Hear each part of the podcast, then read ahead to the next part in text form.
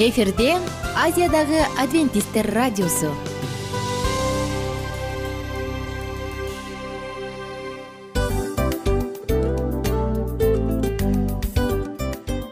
Достор салют. Баардык сүйүктүү угармандарыбызга салам айтабыз. Кутман күнүңүздөр менен. Ден соолук өмүрдүн булагы демекчи саламат саамы программасында баарыңыздарды көргөнүбүзгө абдан кубанычтабыз. Анда алгач амандашып өтөлү арбаңыздар деп. Ден соолугуңуздар кандай элибизде көбүнчө ден соолук кандай дегенде эле жакшы деп жооп беребиз э? ооруп турсак дагы жакшы дейбиз. Анан мен муну айтып ойлойт элем бул абдан сонун сөз депчи анткени бул жакшы деген үмүт да э ооба баары жакшы болот. Баары сонун. Деп үмүттөнүп атып эле өзүбүздү өзүбүз дарылап коебуз. Анысы кандай? Сиздин дагы ден соолугуңуз жакшы беш деген үмүттөбүз чындыгында ден соолук бул өмүрдүн булагы деп бекеринен айтылган эмес деп ойлойм. Кыргыз элинде анткени эгерде ден соолук жок болсо анда адамдын жашоосунда калган баардык керектүү маңыздуу нерселер өзүнүн баалуулугун жоготуп коет. Ошондуктан ден соолук бул эң керектүү нерсе. Ооба туура айтасың кесиптешим. Чынында ден соолугуң жок бир эки үч күн ооруп калсаң эле э кандай болуп калат? Жашоодо көз каранды болуп каласың көп нерсеге жетишпей каласың көп нерсени кыла албай каласың жада калса эшикке дүкөнгө да чыга албай каласың. Туптуура анан ден соолук болсо демек биз биздин бактыбыз тотой деп койсок болот. Анда достор саламат саамы рубрикабызды баштайлы. Алдыда өзүңүзгө керектүү болгон сонун кеңештерди уга аласыздар. Мына ошондуктан биз менен бирге болуңуздар. Ал эми биз болсо милан жана айнура. Кеттик алга. Алга саламат саама ден соолуктун жарчысы. Саламат саама ден соолуктун ачкычы. Күн сайын сиз үчүн мыкты кеңештер сонун жаңылыктар кызыктуу фактылар биздин рубрикада.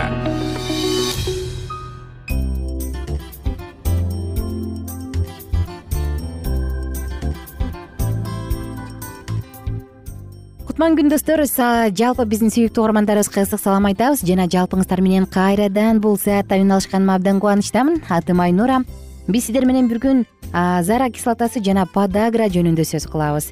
Мындай учурда кандай смузи ичиш керек? Угармандарыбыздын баардыгына сунуштоого даярбыз мына ошондуктан. Биз менен бирге болуңуздар. Достор алгач подагра жөнүндө сөз кылсак э? Подагра оорусу эмне деген оору? Организмде зат алмашуу бузулуп муун кемирчек тарамыш сөөк жана башкалар ткандарда сийдик кислотасынын туздары чогулгандан болгон оору. Подагранын пайда болушуна негизинен зат алмашуунун тубаса бузулушу ашыкча тамактануу ичкилик алкоголь ичимдиктери эт жана эт азыктарын көп колдонуу коргошун менен уулануу аз кыймыл аракет түрткү берет. Натыйжада белоктордун татаал бирикмелеринин акыры продуктылары сийдик кислотасынын туздары кристаллдар түрүндө дененин ар кайсы жеринде чөгө баштайт. Көбүнчө подагра менен кырк жаштан өткөн эркектер дагы ооруйт аялдарда сейрек кездешет кол буттун майда муундарына чөгөт бул зара кислоталары урат деп коет э ураттар. Алардын түзүлүшүн функциясын бузат. Ошондой эле бул туздар териде кулак кемирчегинде кээде ички органдарда бөйрөктө дагы чогулуп калышы мүмкүн. Подагра буттун баш бармагынын муунунда дагы кездешет көп учурда. Ал башталганда капысынан эч себепсиз буттун бармагынын мууну катуу ооруп шишимик тартып кызара баштайт бир эле бир аз эле кыймылдаса ооруганы күчөп чыйрыктырып температура көтөрүлөт. Элестетиңиз таң атаарда муундун ооруганы басаңдайт бирок түнкүсүн кайрадан күчөйт. Анын капысынан башталган оорусу бир нече сааттан бери бир нече күнгө созулуп көп учурда өнөкөт түрүнө айланып калат. Оору күчөгөн учурда приступ тез тез кармайт. Кээде анын катуу кармаганы приступсуз эле өтөт. Бирок анда муундар өзгөрүлүп функциясы бузулуп кыймылдабай калып калышы дагы ыктымал приступ кармаганда ичегилердин иштеши дагы бузулат. Өз убагында дарыгерге кайрылуу же эрте дарылоо оорунун күчөшүн токтотот. Подагранын катуу кармаган түрүндө дарыгерлер сезгенүүгө каршы дарыларды ооруну басаңдатуучу дарыларды суюктукту көп сунуш кылышат. Аны менен бирге оорулуу диетаны дагы так колдонушу керек.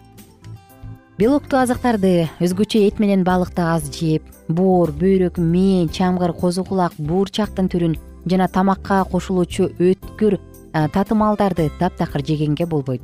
Подагранын өнөкөт түрүнө сүт азыктары жашылча жемиштер сунуш кылынат. Аны дарылоодо гимнастика таза абада сейилдөө ошондой эле ураттарды организмден чыгарууга жардам берүүчү дарыларды колдонуу жакшы натыйжа берет. Көп убакытка созулган өнөкөт түрүндө физиотерапия жана курорттук дарылоо жүргүзүлөт. Подагра мына дал ушундай. Бул тууралуу биз алдыда дагы кененирээк сөз кылабыз достор. Ал эми азыр болсо келиңиздер. Биз антикислотный деп аталган антикислоталуу деп аталган смозинин рецепти менен бөлүшөлү. Негизи зара кислотасы бул көптөгөн токсиндерден организмден турат. Алардын баардыгын биздин организм иштеп чыгарат. Анан албетте булар зара менен сыртка чыгыш керек. А качан алар муундарда чогула баштаганда подагра пайда болот? Караңызчы э? Муундарда чогула баштаган учурда подагра пайда боло баштайт. Мында муундар катуу ооруйт бут жана дененин башка бөлүктөрү дагы ооруйт. Жакшы жаңылык бар бизде. Андан тышкары биздин азык түлүктөрдөн алган дагы башка кислоталар бар. Алардын баардыгы тең зара кислотасын денеден оңой чыгарганга жардам берет зара менен. Экиден төрт стаканга чейин дал ушул антикислочный деп аталган смозини күнүнө иче турган болсоңуз анда подагранын оорута турган приступтарын оңой эле жеңе аласыз. Жана албетте канды таза бойдон сактаганга мүмкүн. Касиети подагра менен күрөшөт тазалайт жана мыкты антиоксидант. Анын курамында с витамини фалат магний б бир витамини б алты витамини темир бар. Анда достор биз сиздерге рецебин айтып берели. Сиз болсо тыпырайтып өзүңүз үчүн сактап алыңыз. Подаграга каршы кандай дары бар? Кандай чөп жарды ичсе болот? Смузинин рецеби сизге керектүү ингредиенттер. Төрт порция үчүн ар бири эки жүз элүү миллилитрден ошондо бул бир литр үчүн. Бир чашка сөгү жок вишня бир чашка клубника бир груша орточо өлчөмдөгү эки жаңы сыгылган лимон эки чашка грейпфруттун ширеси жана төрт жалбырак мята. Эми достор вишнянын ичинен сөөктөрдү чыгарып салыңыз клубниканы жууп алыңыз андан кийин грушаны алмурутту дагы сыртынан ачып жууп койсоңуз болот. Андан соң лимондун ширесин грейпфрутту сыгып алыңыз. Баардык ингредиенттерди блендерге салыңыз дагы бирдей масса пайда болгончо аралаштырыңыз. Дагы бир жолу кайталап кетелин бир чашка сөөгү жок ичиндеги данеги жок вишня бир чашка клубника бир алмурут эки жаңы сыгылган лимон эки чашка грейпфруттун ширеси жана төрт мятанын жалбырагы эми вишнянын ичиндеги сөөктү чыгарасыз анан клубниканы жууп аласыз грушанын сыртын ачыйсыз булардын баардыгын тең тазалап даярдап алгандан кийин лимондун ширесин сыгып грейпфрутту сыгып коесуз. Эми баардыгын блендерге салып бирдей масса пайда болгончо аралаштырыңыз татымына жараша өзүңүз стевия же тескерисинче туз кошосузбу өзүңүздүн табитиңизге жараша кошуп койсоңуз болот. Лимонад лимонад айта кетейинчи негизи ушул зара кислотасын подагранын негизги себеби болгон зара кислотасын лимон ширеси абдан сонун чыгарат лимондун согу. Анткени лимон кислотасы башка фруктылардын мөмө жемиштердин кислотасындай эле организмди тазалоочу касиетке ээ жана кандагы ткандардагы баардык ашыкча кислоталарды сыртка чыгарат. Бул тууралуу биз кийинки алдыдагы уктурууларда дагы сөз кылабыз буюрса суу жана лимон жөнүндө сөз кылсам суу жана лимон бул туура айкалышкан лимонаддарда жөнөкөй гана канды тазалоочу мыкты касиетке ээ ошондуктан бул нерсени сөзсүз түрдө колдонуп өзүңүздүн саламаттыгыңызга кам көрүңүз. Ардактуу достор мен сиздер менен коштошчу учурга келдим. Кийинки уктуруубузда кайрадан жалпыңыздар менен үн алышабыз дагы. Жалпыңыздар менен жагымдуу саатты бирге өткөрөбүз. Күнүңүздөр көңүлдүү улансын. Бар болуңуздар жана бай болуңуздар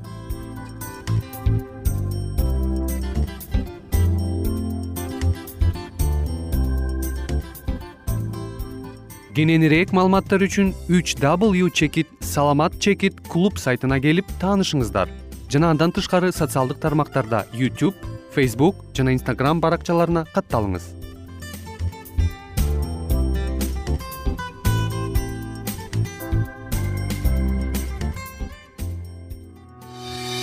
саламат саама ден соолуктун жарчысы. Саламат саама ден соолуктун ачкычы. Күн сайын сиз үчүн мыкты кеңештер сонун жаңылыктар кызыктуу фактылар биздин рубрикада.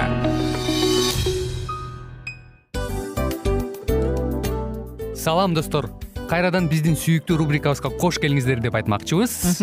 Баардык замандаштарыбызга арбаңыздар деп саламыбызды айтабыз. Улуу ушундай бир урматтаган учурашуу менен анан дил маек радио баракчабызга чакырабыз. Негизи дил маек биздин рубрикабызда эмне жөнүндө кеп кылабыз бул дил маектин мааниси эмнеде? Рубрикабыз менен кичине тааныштырып кетсеңиз. Сөзсүз түрдө тааныштыра кетейин кесиптешим суранычы боюнча бул учурда бул радио баракчада биз ар тарап кесип ээлеринен сонун кеңештерди алабыз сүйлөшөбүз сырдашабыз аталарыбыздын эжелерибиздин апаларыбыздын кеңештерин угабыз айтор жан дүйнөгө адамдын э, сапатына адамдын деги эле адам болуп жашашына керектүү баардык кеңештер алдыда.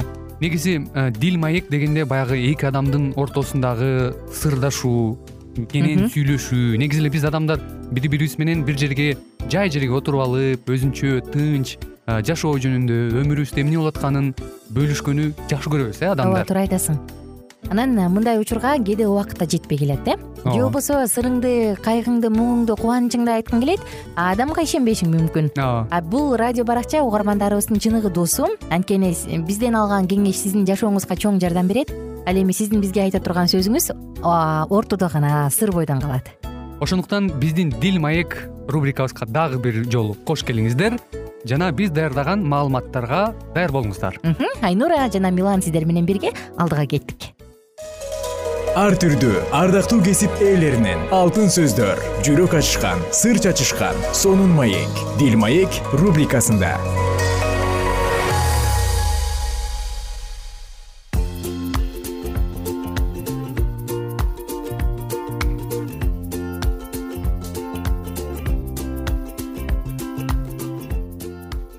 Салам достор. Биздин сүйүктүү угармандарыбыздын баардыгына ысык салам айтабыз дагы. Сиздер менен бирге кайрадан жагымдуу саатыбызды баштадык. Бул саат аял жубай жана эне деп аталат. Ооба аял жубай жана эне. Эсиңиздеби достор мурунку уктурууда биз элизабет жөнүндө сөз кылганбыз. Ал эми бүгүн болсо анна жөнүндө сөз кылалы деп турабыз. Биз менен бирге болуңуздар. Жагымдуу сааттардын баардыгы сиздер үчүн. Жүрөгү кайгыга баткандыктан анна кудайга шашты. Арабызда оор кайгыны баштан өткөргөндөр айрыкча жесирлер жараланган жүрөккө кудайдын жаныбызда экенин толук сезүүдөн артык даба жок экенин билебиз. Евгения прайс. Анна жүрөгү жараланганынын айынан өлүп калбаган аял. Мусанын мыйзамы боюнча алардын тазалануу убагы бүткөндөн кийин алар ыйсаны иерусалимге алып келишти. Ошол жерде ашер урусунан чыккан пенуэль кызы анна деген карыган пайгамбар аял бар эле. Жесирлериң да менден үмүт кылышсын. Жүрөгү жараланган адам өлүп калышы мүмкүнбү? Англиялык дарыгерлер көптөгөн эркектер аялынын өлгөнүнө жарым жыл болгондон кийин өлүп калышаарын алардын теңме теңи күйүткөн өлөрүн белгилешкен. Аннанын жашоосу да үмүтсүз болуп калчудай сезилет азыркыга чейин деле чыгышта жесир аял келечеги жок аял деп эсептелет. Баласы жок аял күйөөсү өлүп калгандан кийин ата энесинин үйүнө кайтып келип экинчи ирет турмуш курууну же өлүмдү күтүп гана жашашы керек болот. Анна сексен төрт жашта эле. Анын үй бүлөлүк бактысы жети гана жылга созулган. Библиянын айрым котормолорунда ал сексен төрт жыл жесир жашаган деп айтылат карагылачы. Бирок мындай куракта бул анча деле маанилүү эмес. Кыскасы биз анын сексен төрт жашка чыкканын билебиз. Мүмкүн ал жүзгө чыккандыр. Эмне болсо да ал карыган аял болгон. Анна галилеядагы ашыр уруусунан чыккан. Бул анча деле чоң эмес уруу анткени галилеядан пайгамбар чыкпайт деген макал бар. Пайгамбар болуу эркектердин иши. Пайгамбар аялдар чанда гана болгон. Библияда бир нече пайгамбар аялдын аты гана аталат байыркы келишимде мириам дебора холда жана ноядия болгон. Ал эми жаңы келишимде элчи жакшы кабарчы филипптин төрт кызы жөнүндө билебиз. Анна байыркы келишим менен жаңы келишимдин ортосунда. Бул тандалган топко таандык болуу кудайдын сөзүн элге айтып турган пайгамбар болуу кандай урмат кандай артыкчылык. Күйөөм каза болуп калгандан кийин жашоо мен үчүн токтоп калгансыды. Деген эле бир жолу бир жесир аял анна болсо башкача ой жүгүртөт. Катуу соккудан кийин ал эч ким менен сүйлөшпөй өзүн өзү аяп ыйлап үй бүлөсүн түйшүккө салган оор жүк болгон жок. Ал үчүн жашоо маанисин жоготуп койгон жок. Баары аяганы менен эч кимиси жардам бере албаган абал ага жарашпайт. Анна өткөндү ойлоп жашаган жок. Жесир аялдагы эң коркунучтуу нерселердин бири ушул аннага окшоп эң сүйүктүү жана кымбат адамын өмүрлүк жарын жоготкондор гана мунун кандай коркунучтуу экенин билишет. Жубайлар кыска эле убакыт чогуу жашашса деле үй бүлө бузулгандан кийин бир ортосунан экиге бөлүнүп калгансып мурдагыдай өз алдынча инсан боло албай калат. Ал бир бүтүндүн жарымы болгон бойдон калат. Анна кудай бир нерсени алып коюу менен эле чектелбейт деген ой менен сооронду бекен ал тартылып алынган адамдын ордуна кудай өзүн берет деп күттү бекен муну түшүнүү үчүн келечекке көз чаптыруу керек. Кийинчерээк ыйса шакирттерине сокону кармап алып артына кылчактаган адам кудайдын падышачылыгына жараксыз деп айткан. Анна башкалкалар жайды кудайдан тапты. Көптөгөн жылдар бою ал кудай үйүндө кызмат кылып жүрдү. Ал сыйынуусу жана орозо кармагандыгы менен өзүнө караганда кудайга көбүрөөк таянууга даяр экендигин көрсөттү. Аял өткөн жашоосун унутса анын бактысы өзү үчүн кымбат болгон эскерүүлөрүнө көз каранды болбосо ал учурдагы жашоосун жана келечегин кудайга ишенип тапшырса кудайдын тынчтыгы жана жүрөгүнөн орун алат. Ошондо анын жүрөгүндө рухий жактан да моралдык жактан да бул дүйнөгө өтө зарыл болгон ишеним акылмандык күч бийлик кылат. Мындай учурда ал сурануучу эмес берүүчү болот. Ал өзү кудайдан соорунуч алгандыктан башкалар кыйналганда жана кайгырганда соорото алат. Анна күндүр түндүр кудайдын иши менен алек болгон. Ошентсе да ал адамдардан бөлүнгөн эмес. Кудай менен болгон чыныгы мамилелешүү жүрөктүн тереңинде эле болбойт анна өзү бактылуу жана айланасындагыларды да бактылуу кылгысы келет. Зерен киргегард бакытка кирчү эшик сыртты көздөй ачылат деп айткан э? Адамзаттын жашоосу бүтпөс кыйынчылык жана туңгуюк адамды көйгөйлөр кыйнайт. Ошол себептен көптөгөн адамдар билип билбей кудайдан гана келе турган куткаруучуну күтүшөт алар машаяктын келишин эңсешет. Акыры ошол күн да келди. Ыйса төрөлдү периштелер асмандагы кудайга даңк жер үстүндө кудайга жаккан адамдар арасында тынчтык болсун деп кудайды даңкташты. Койчулар ага табынып тизе бүгүштү.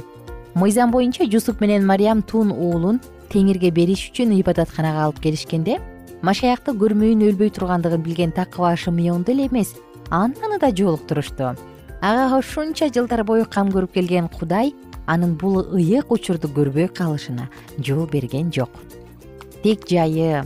Жашоодо ээлеген орду жаш курагы боюнча четте эле кала турган аял артыкчылыкка ээ болду. Шымион менен бирге ал наристени көрүп ага табынды. Бул анын жашоосундагы кульминациялык учур. Көп жылдардан берки сыйынуусунун жообу болду. Бул дүйнө чыдамсыздык менен күтүп келген чечүүчү учур. Машаяк бул жерде. Эми анна эки нерсени кылышы керек? Алгач элдин дүйнөнүн жана өзүнүн көптөн күткөн куткаруучусунун келгендиги үчүн кудайды даңкташы керек. Ал шымион менен бирге кудайды даңктады. Ал муну менен эле токтоп калган жок бул кубанычтуу кабарды анна адамдардан жашыра албас. Кимдир бирөө күбөлөндүрүп бул ыйса машаякты карап андан көргөндөрүн башкаларга айтып берүү деп айткан. Анна кылган экинчи нерсе ушул болду. Достор биз сиздер менен кийинки уктурууда кайрадан амандашабыз жана саатыбызды улантабыз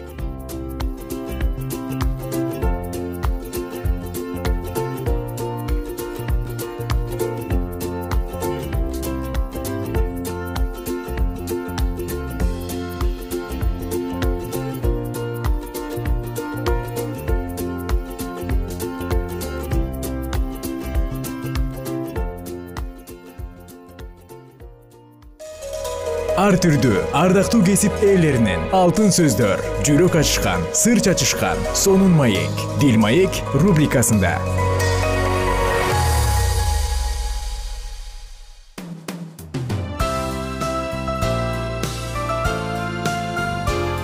Эфирде азиядагы адвентисттер радиосу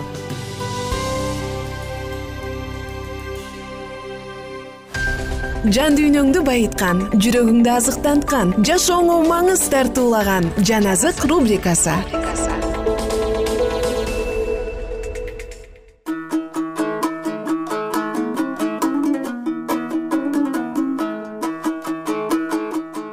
күнүңүздөр менен замандаштар жалпыңыздар менен бирге биз кайрадан жан азык уктуруусунда үн алышканыма кубанычтамын. Жан дүйнөбүздү азыктандыруучу жан дүйнөбүзгө тирүү суу тартуулаачу сонун уктуруубуз. Жана жалпыңыздарды тең баардыгыңыздарды чакырабыз.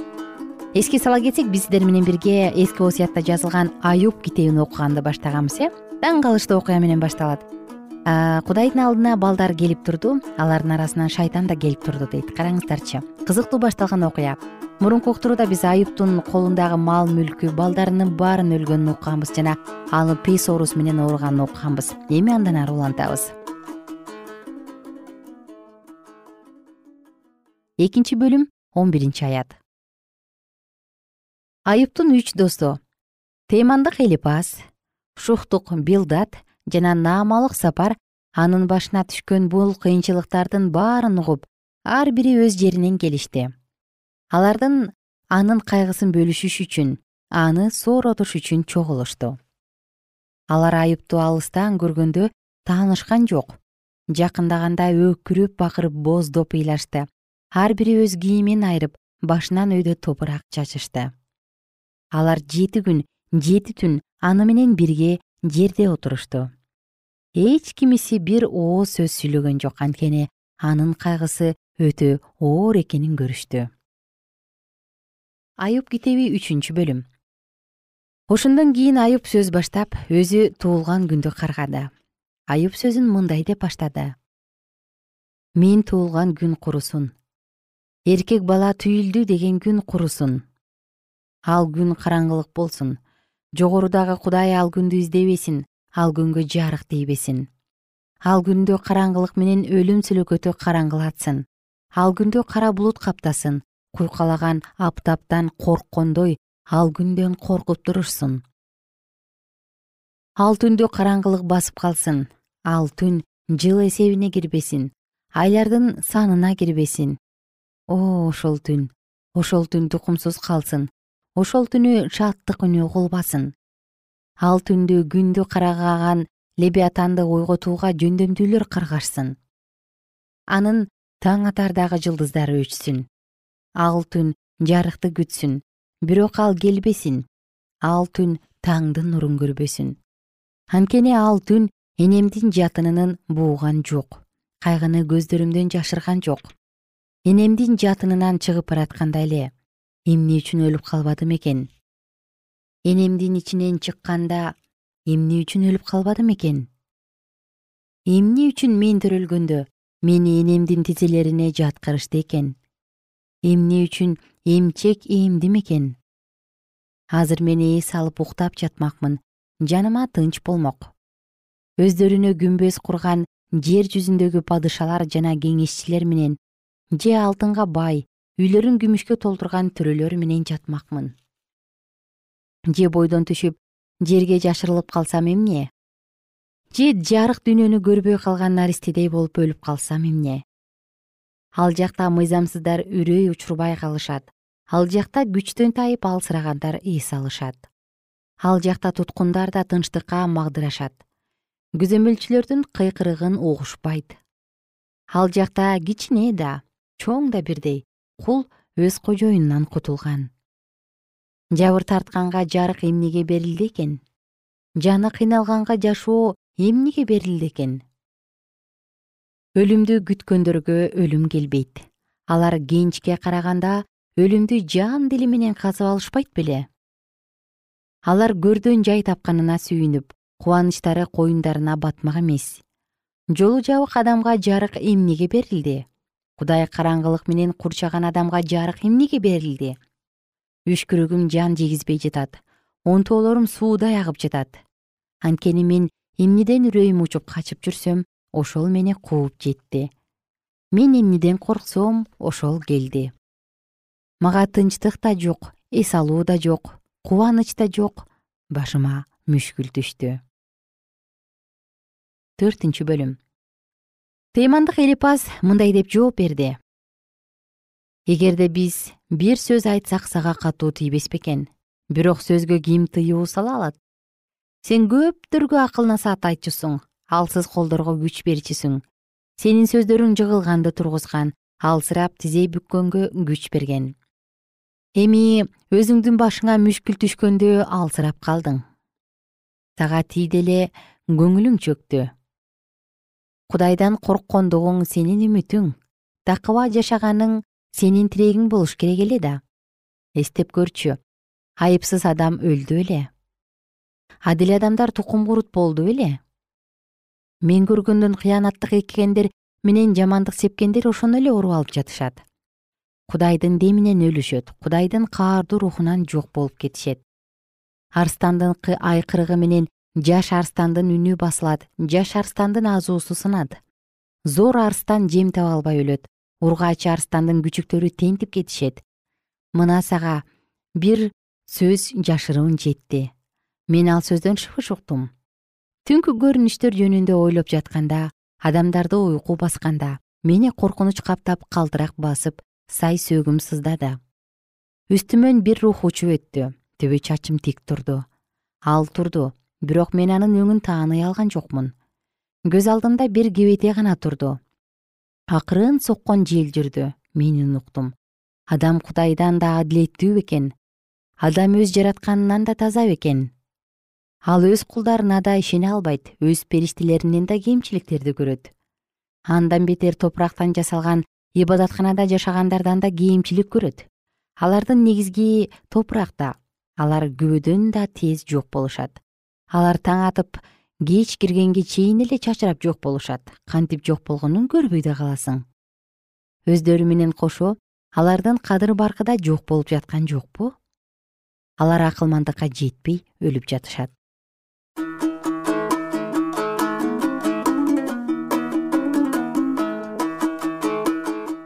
достор биз кийинки уктурууда достору калган достору эмне дешет? Айыптын жообу кандай болгон? Мына ушул тууралуу сөз кылабыз. Абдан кызык окуя. Анан таң калыштуусу айыптун эч кемчиликсиз бойдон кемчиликсиздигинде тура бергендиги дейт. Караңыздарчы. Дал ушундай жүрөк ар бирибизде болсо экен деген тилек менен саатыбызды жыйынтыктайбыз. Кайрадан амандашканча бар болуңуздар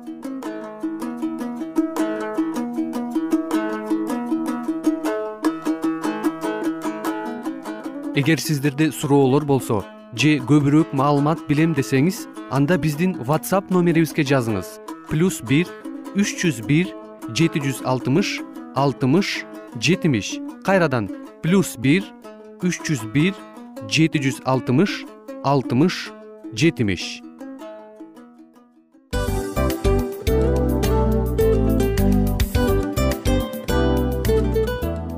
достор биздин радио баракчаларыбыз соңуна келди. Демек бул программабызды дагы жыйынтыктачу учур келдик.